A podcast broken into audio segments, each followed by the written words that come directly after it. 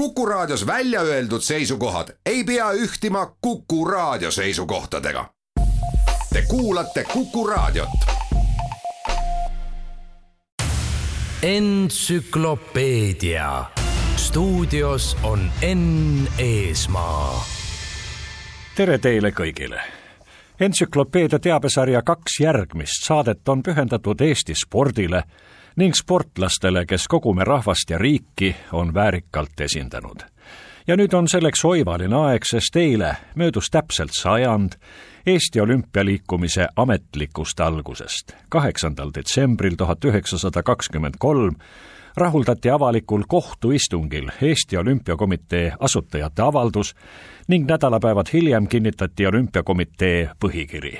see tänuväärne protsess algas tegelikult juba mitu aastat varem, kuid sellest räägin täpsemalt saates, mis teieni jõuab nädala pärast. tänase teabetunni aga pühendan meestele, kes olümpiamängudel Eestit ei esindanud, kuigi nende tase oleks seda kindlasti võimaldanud. kuulusime ju toona veel tsaari Venemaa koosseisu, need mehed olid esimesed, kes meid piltlikult öeldes maailma kaardile viisid. Paavo Nurmi jooksis oma kalli Soome, Georg Luurich, Aleksander Aaberg ja Georg Hackenschmidt aga tõstsid ja kandsid meile armsa Eesti teiste riikide ja rahvaste teadvusse. Luurich polnud mitte pelgalt võitmatu jõuvägilane, ta oli ka aatemees, karskusliikumise üks algatajaid Eestis, kes üsna vabalt rääkis kümnes maailmakeeles, oma emakeeles, käis ta korjamas Eesti rahvalaule, vanasõnu ja muistendeid. Eesti Riikliku Kirjandusmuuseumi kogudes on kaheksasada lehekülge Luurichi poolt kokku kogutud vanarahva hingevarandust. räägin ikka veel raskejõustiklasest nimega Georg Luurich.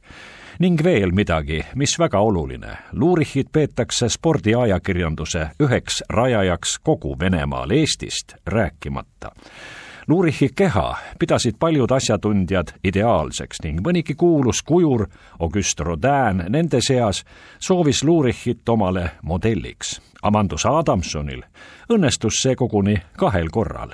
kui Ateenas toimusid esimesed kaasaegsed olümpiamängud, oli Georg Luurich kahekümneaastane. tema toona veel amatöörsportlase tase oli sedavõrd kõrge, et Eesti võinuks esimestelt olümpiamängudelt koju tuua mõnegi medali. maadluses Georg Luurichile aastal tuhat kaheksasada üheksakümmend kuus Euroopas ega mujalgi õiget vastast leidunud.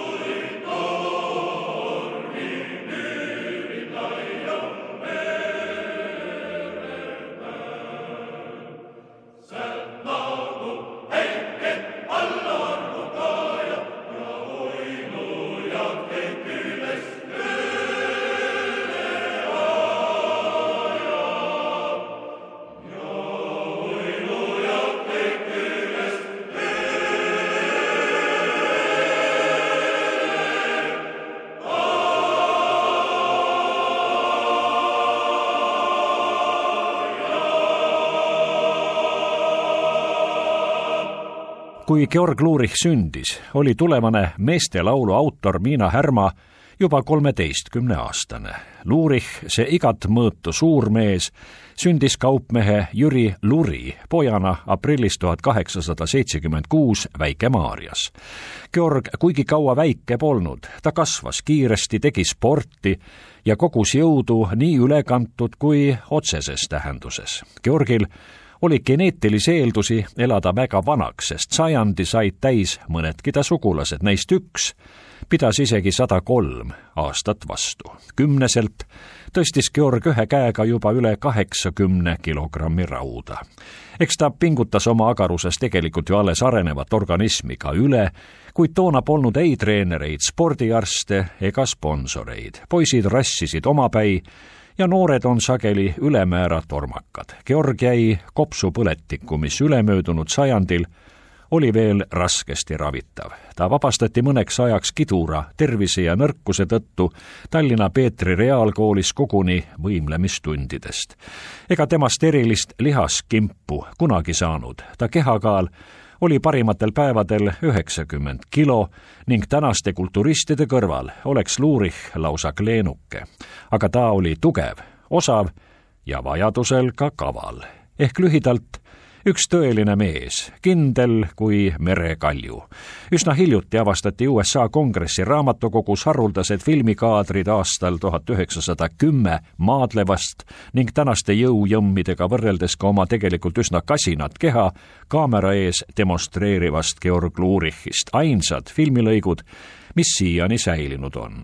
tänasesse saatesse muusikat valida polnud kuigi lihtne, Lurichi eelistused pole täpselt teada kuid kuuldavasti oli ta üpris korralik pianist, mida on jälle raske, võite uskuda.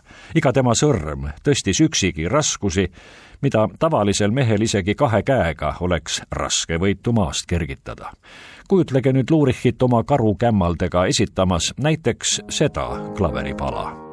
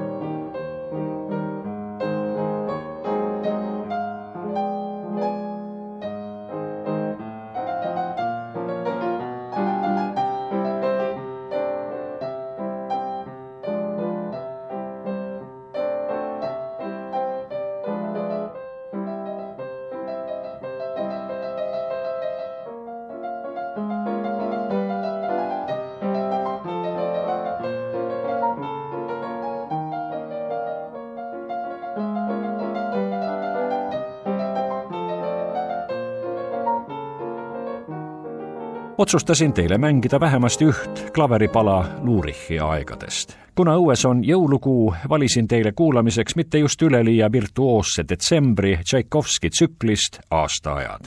kuid tunnistagem, seda oopust ühe pahkliku jõumehe esituses on siiski keeruline ette kujutada. mängin tänases saates ka neid muusikuid, kes Georg Lurichi eluajal nii meil kui neil esinesid ja tuntuks said. alustan teisest Eesti kuulsast Georgist, kes polnud küll veel kuu aegagi noor, kui Lurich suri. Georg Otsa esituses kuulete Danilo laulu Ferenc Lehari Lõbusast lesest, operetist, mis esietendus Viinis aastal tuhat üheksasada viis. seega oli kiiresti kuulsaks saanud operett muusikahuvilisele Lurichile ilmselt teada ning võimalik, et see kaunite meloodiate kogum koguni meeldis talle, mis oleks ju lausa loomulik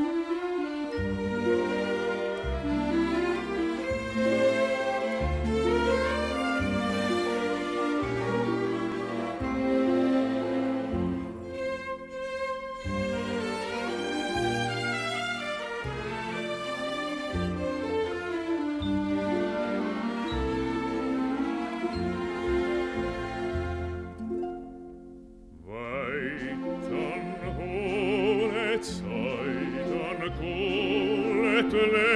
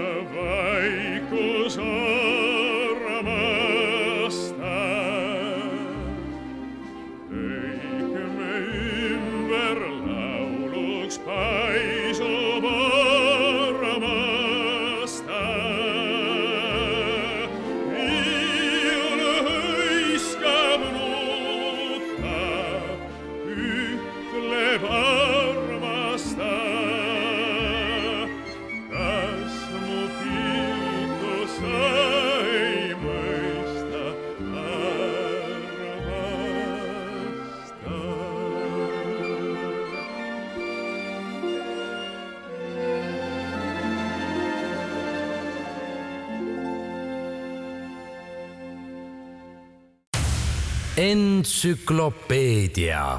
stuudios on Enn Eesmaa selles saates meenutan ka Lurichi kuulsaid õpilasi, Aleksander Aabergi, eriti aga Georg Hackenschmidti, kelle saatus ja elu oli oma kahest kolleegist mitte pelgalt pikem, vaid koguni säravam. Georg Lurichi rahvusvaheline karjäär algas Peterburis, linnas, kus Georg Ots mõnikümmend aastat hiljem sündis.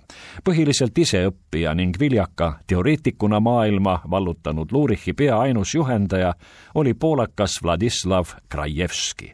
maadluses oli Lurich peagi võitmatu ning noor atleet hakkas järjepannu maailmarekordeid püstitama. toona oli vastav statistika alles algstaadiumis ning tänasega võrreldes puudulik. rekordite vääriliseks loeti isegi mitmed vigur ja vastupidavustõsted nii, et täpselt Lurichi poolt püstitatud maailmamarkide arvu ei teadnud me vägilane vist isegi. arvatavasti oli neid rekordeid peaaegu poolsada.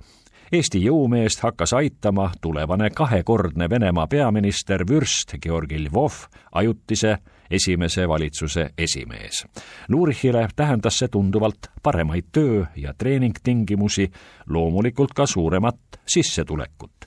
sajandivahetusel käis Georg Lurich sageli Eestis võistlemas, kuid rahvusvaheliseks staariks tõusis meil Kaleviks ja Kalevipojaks ülistatud mees siiski Lääne-Euroopas. tänaseni räägitakse teadlikes ringkondades Lurichi maadlus simultaanist Magdeburgis, kus tegi pisut rohkem kui poole tunniga kaheksateistkümne kohaliku jõumehe seljad prügiseks.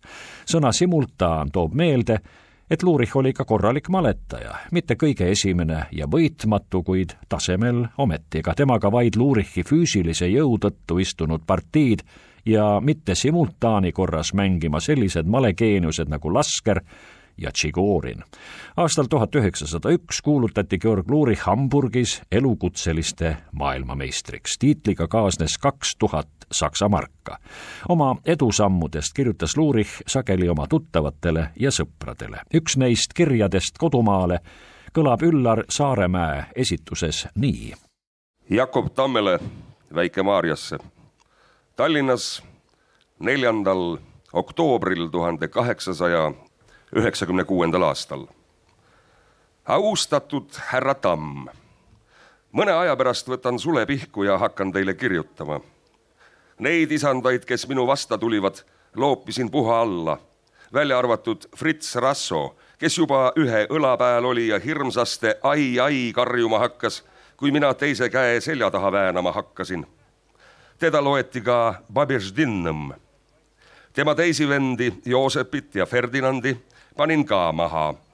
viimane tegi suurt skandaali, langes aga viimaks ikka perseli. Rossinski viskasin küleli ja Jaksoni kummuli. Lentsiga, Hakenschmidtiga olen vihavaenlane ja kaevan teda homme kohtu laimamise eest. Pösbergil ja Kallal ei lähe praegu seft heaste, sest et nende direktor pankrotiks jäi maas olles olen kallalt veltrekordi löönud. esiteks üheksa ja pool puuda ajasin maas olles üle pea ja võtsin ühe käe otsa. kalla üheksa puuda.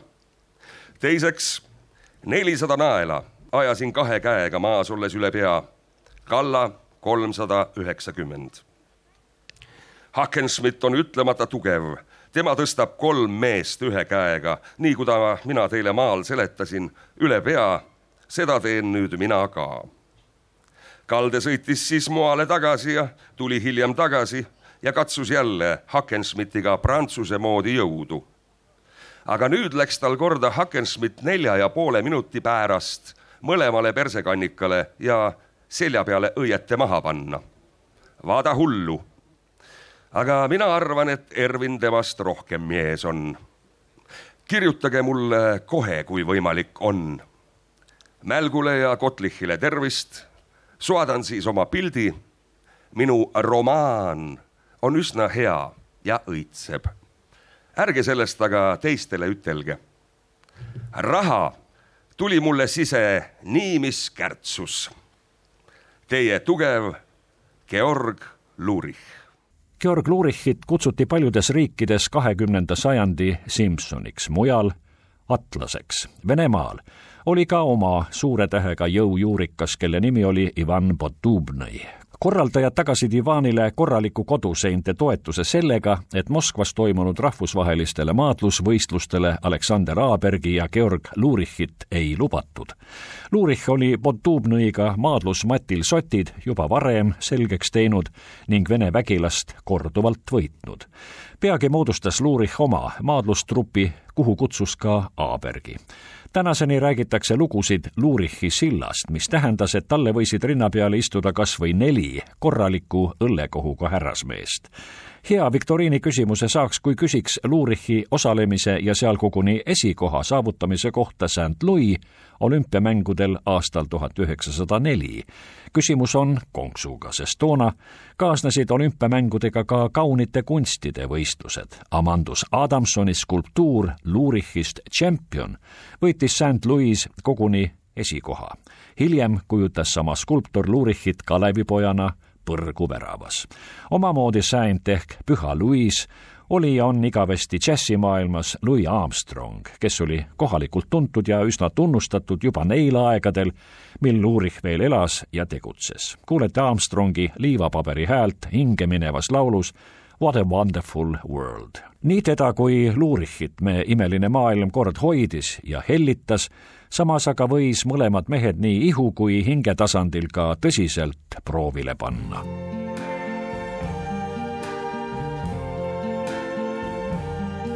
I see trees of green, red roses too. I see them bloom for me and you. And I think to myself, what a wonderful world.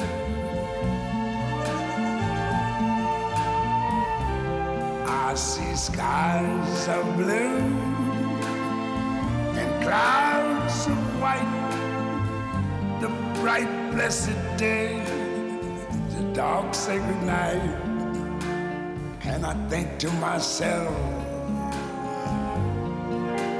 what a wonderful world.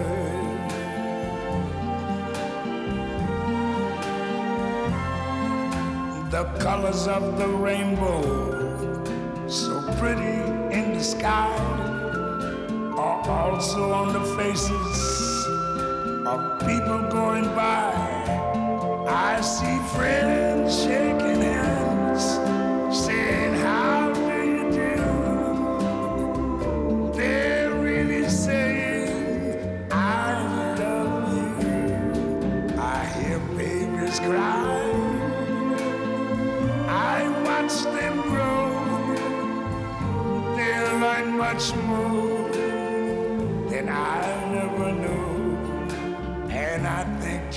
myself, what a wonderful world. Yes, I think to myself, what a wonderful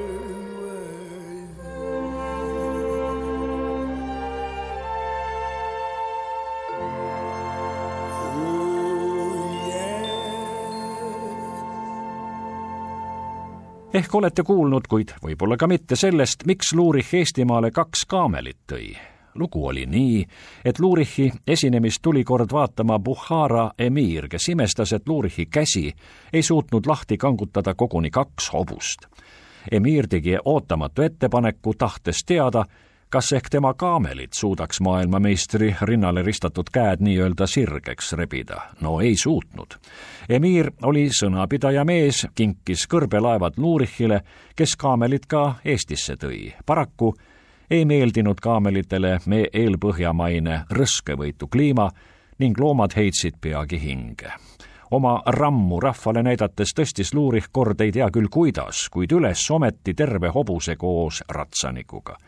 Mõnigi kord lähenesid Luurichi etteasted tsirkuseetendustele. ta žonglööris raudpommidega, lasi neil silmi kinni kattes üsna kõrgelt oma rinnale või seljale kukkuda, pakkus igale teda võitvale mehele kakssada rubla, mis toona oli raske raha oma lubadust ei pidanud Luurich kordagi välja maksma, kuid sellised jõunumbrid polnud igapäevased, sest Georg Luurich oli ennekõike tõsine spordimees. ta oli ka meie esimesi karskustegelasi, Luurich ei napsitanud ega suitsetanud, mis toona polnud meeste hulgas kaugeltki veel tavaline asi.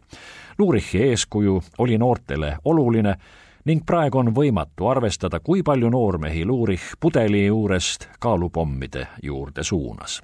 kuid see erakordne mees polnud mitte vaid raskejõustiklane, ta oli ka hea võimleja, jooksis kiiresti ja vajadusel ka kaua, sõitis võidu jalgrattaga, talvel aga uisutas osavalt. küllap mõtles praegu teist nii mõnigi, et Luurichist oleks võinud saada me esimene maailmaklassi kümnevõistleja, siis tublisti enne Aleksander Klumbergi.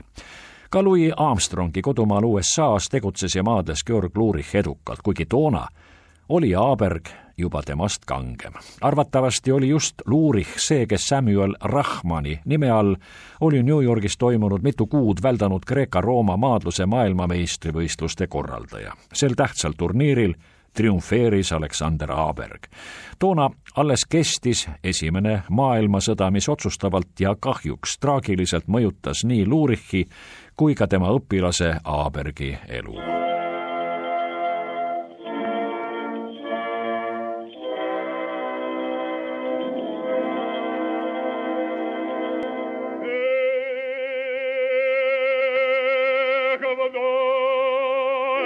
babi,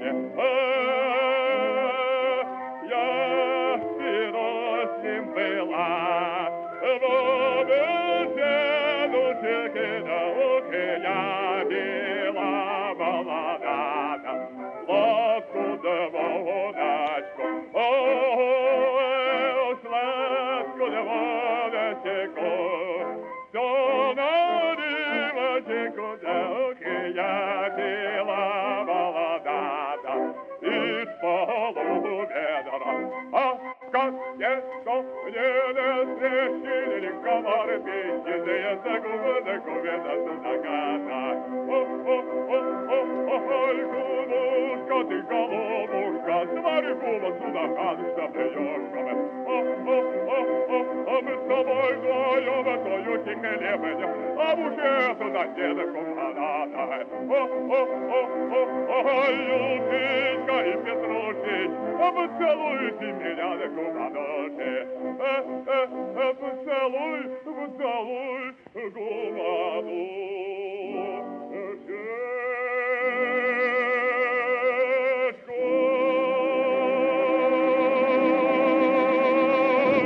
Venemaa esimene rahvakunstnik Fjodor Šaljapin oli toona juba maailmakuulus bassilaulja. aasta pärast Lurichi matuseid käis Šaljapin ka Tallinnas esinemas. esimese maailmasõja õudustele andis Venemaal saatanliku lisa kodusõda. Lurich ja Aaberg sattusid Põhja-Kaukaasias olles Armaviiri linna, kus inimesed kannatasid nii nälja, külma kui tüüfuse käes. see koletu epideemia sai jagu ka kahest Eesti jõumehest. neljakümne kolme aastane Lurich ja temast veel neli aastat noorem Aaberg surid paarinädalase vahega ning maeti ühte hauda. Aleksander Aaberg oli üks väheseid maadlejaid, kes oma õpetajat paaril korral ka võita suutis. Kolga mõisas suvel tuhat kaheksasada kaheksakümmend üks sündinud Aleksander Aaberg on meie raskejõustiku ajalukku läinud nii oma sportlike saavutuste kui sellegi tõttu, et oli mõningatel andmetel koguni esimene, kes rahvusvahelistel võistlustel esines eestlase, mitte venelasena ning kandis uhkelt sinimustvalgeid eraldustunnuseid. Aaberg, kes esialgu harrastas usinalt tõstesporti, hakkas asjatundjatele silma juba aastal tuhat üheksasada, mil saavutas teise koha Venemaa meistrivõistlustel maadluses. teda kiideti ennekõike erakordselt vastupidava mehena matil.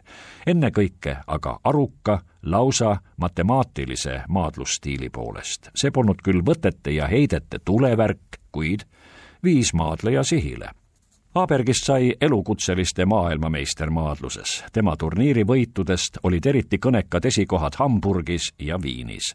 eraldi tasub meenutada aastat tuhat üheksasada viisteist, mil Aaberg ja Lurich võistlesid maadlusturniiril New Yorgis. ajaleht New York Times tõi ära foto Eesti trikoloori kandvast Aleksander Aabergist, kes käis matil kaheksateist korda, ei kaotanud ühtegi maadlust ning viie mehega, Lurich kaasa arvatud, jäi rassimine viiki.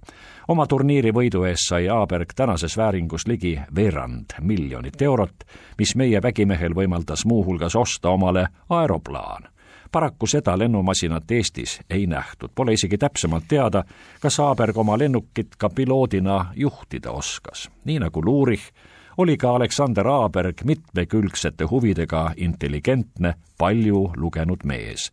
lisaks maadlusele ja tõstmisele huvitus ta tõsisemalt lendamisest ja purjetamisest. olen ikka olnud arvamusel, et hea otsimise korral on enam-vähem kõik teemad ühel või teisel moel omavahel kokku sobivad. popmaailmas eksisteerib ja tegutseb ansambel Sky Sailing ehk taeva purjetamine. laulu nimi on Taevakaptenid.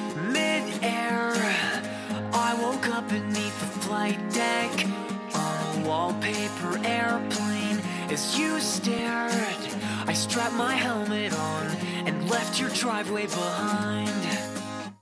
Flutter all through the night,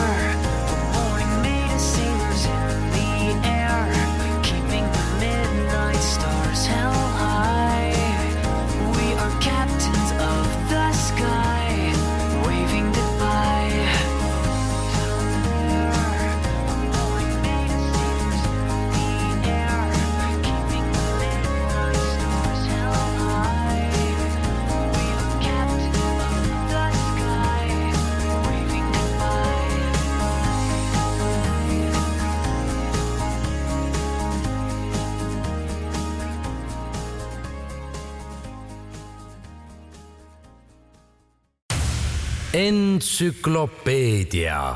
stuudios on Enn Eesmaa. Georg Lurichil oli ka teine kuulus ja kange õpilane, Lurichist vaid mõni kuu noorem Georg Hackenschmidt, kellega ta tavaliselt matil maadelda ei tahtnud. saate esimeses pooles kõlanud katke Lurichi kirjast andis küllap sellekohase suhteliselt otsekohese vihje. Hackenschmidti isa oli riigisakslane, ema Rootsi ja Eesti päritolu. ometi pidas Georg ennast alati eestlaseks. ta on läinud ka Soome raskejõustiku ajalukku, sest tuli aastal tuhat kaheksasada üheksakümmend kaheksa esimeseks Soome meistriks. Hackenschmidt oli esimene eestlane, kes võitis amatööride hulgas Euroopa meistritiitli. rahvusvaheliseks maadlustäheks peetakse seda meest ta säravate võitude pärast paljudel turniiridel ning loomulikult maailmameistritiitlite tõttu elukutseliste hulgas.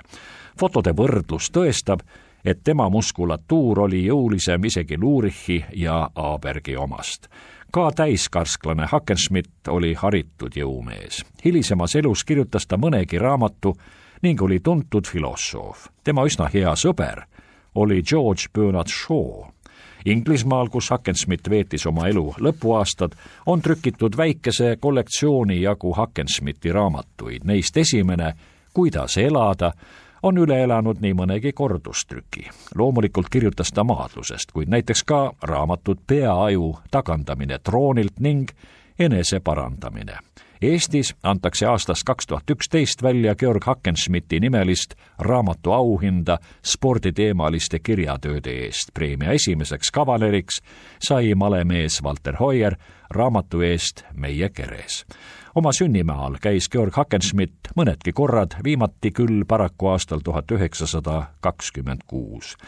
Georg Hackenschmidt elas kõrge vanaduseni. legendaarne Harry Houdini pakkus Hackenschmidtile koguni oma trupis tööd, kuid Eesti vägilane keeldus viisakalt. sõpradeks jäid nad aastateks ning Houdini väntas Hackenschmidtist koguni filmi erakordse komplimendi tegi Hackenschmidtile USA president Theodore Roosevelt, kes kutsus meie vägilase Valgesse Majja ning siis üllatas kõiki lausudes ootamatult, kui ma poleks Ühendriikide president, tahaksin olla Hackenschmidt. Georg Hackenschmidt elas kaua ning oli kuni surmani kõbus ja tegus. ta abikaasa oli prantslanna Rachel Georg Hackenschmidt lahkus meie seast Londonis veebruaris tuhat üheksasada kuuskümmend kaheksa. vanema inimese arvates oli see ju peaaegu et alles eile. Aasta varem olid Beatlesid samas linnas lindistanud oma paljude arvates parima plaadi Sergeant Pepper's Only Hearts Club Band.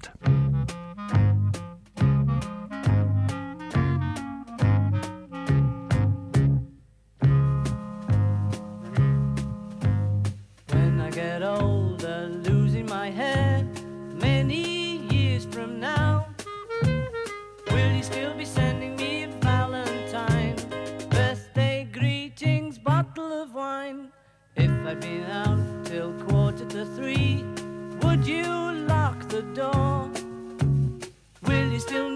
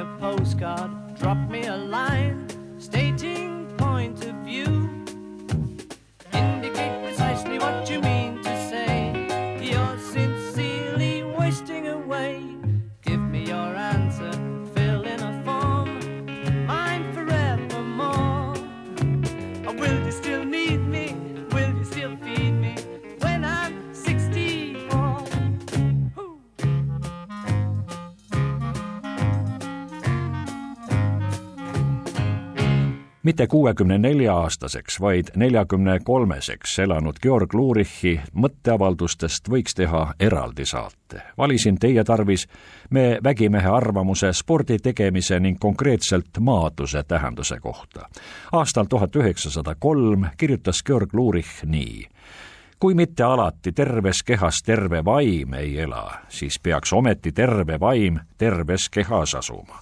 ning kolm aastat enne oma enneaegset surma maadlemise ideaalne ülesanne on selles, et me kui eelväelased virguksime ja tõsise hoiatushüüde nõrkevale inimese soole hüüaksime. Õnneks on neidki, kes Eesti vägilaste soovitusi ja hoiatusi on kuulda võtnud. aastast tuhat üheksasada viiskümmend kuus on Tallinnas korraldatud Luurichi nimelisi maadlusvõistlusi Väike-Maarjast, kus kõrgub Luurichi väärne monument, saame vahest uudiseid, kes on kõvemad mehed olnud rammukatsetel Georgi Kange. Berliinis tegutseb tänagi spordiklubi Luurich, kus lisaks maadlusele ratsitakse ka poksiringis ja tõstepõrandal Tartus aga pakub noortele meestele sportimisvõimalusi algselt Aabergi, õigemini Jurjevi jõukarastuse seltsi Aabergi nime kandnud klubi, mida täna tunneme Tartu spordiselts Kalevina.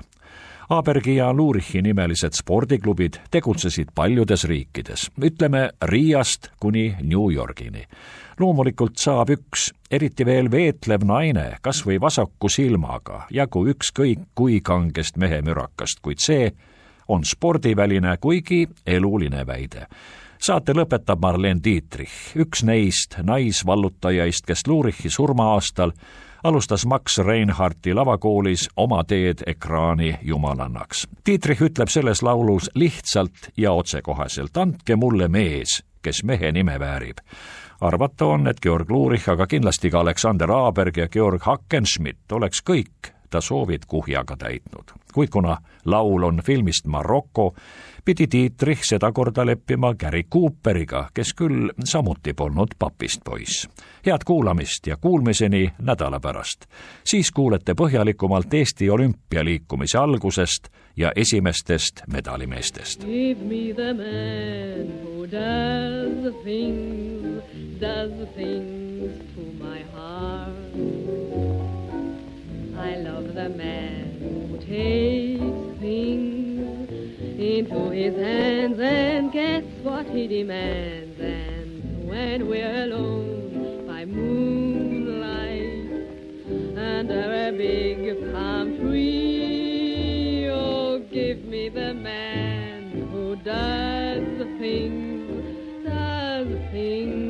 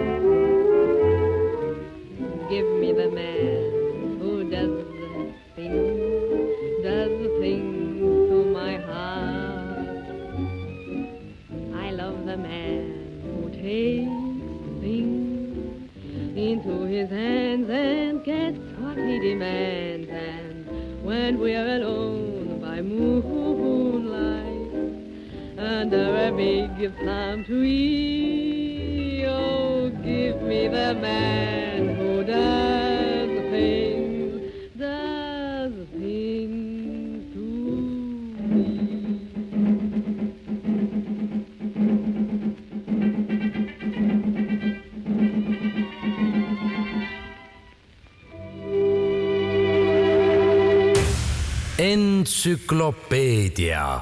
Stuudios on Enn Eesmaa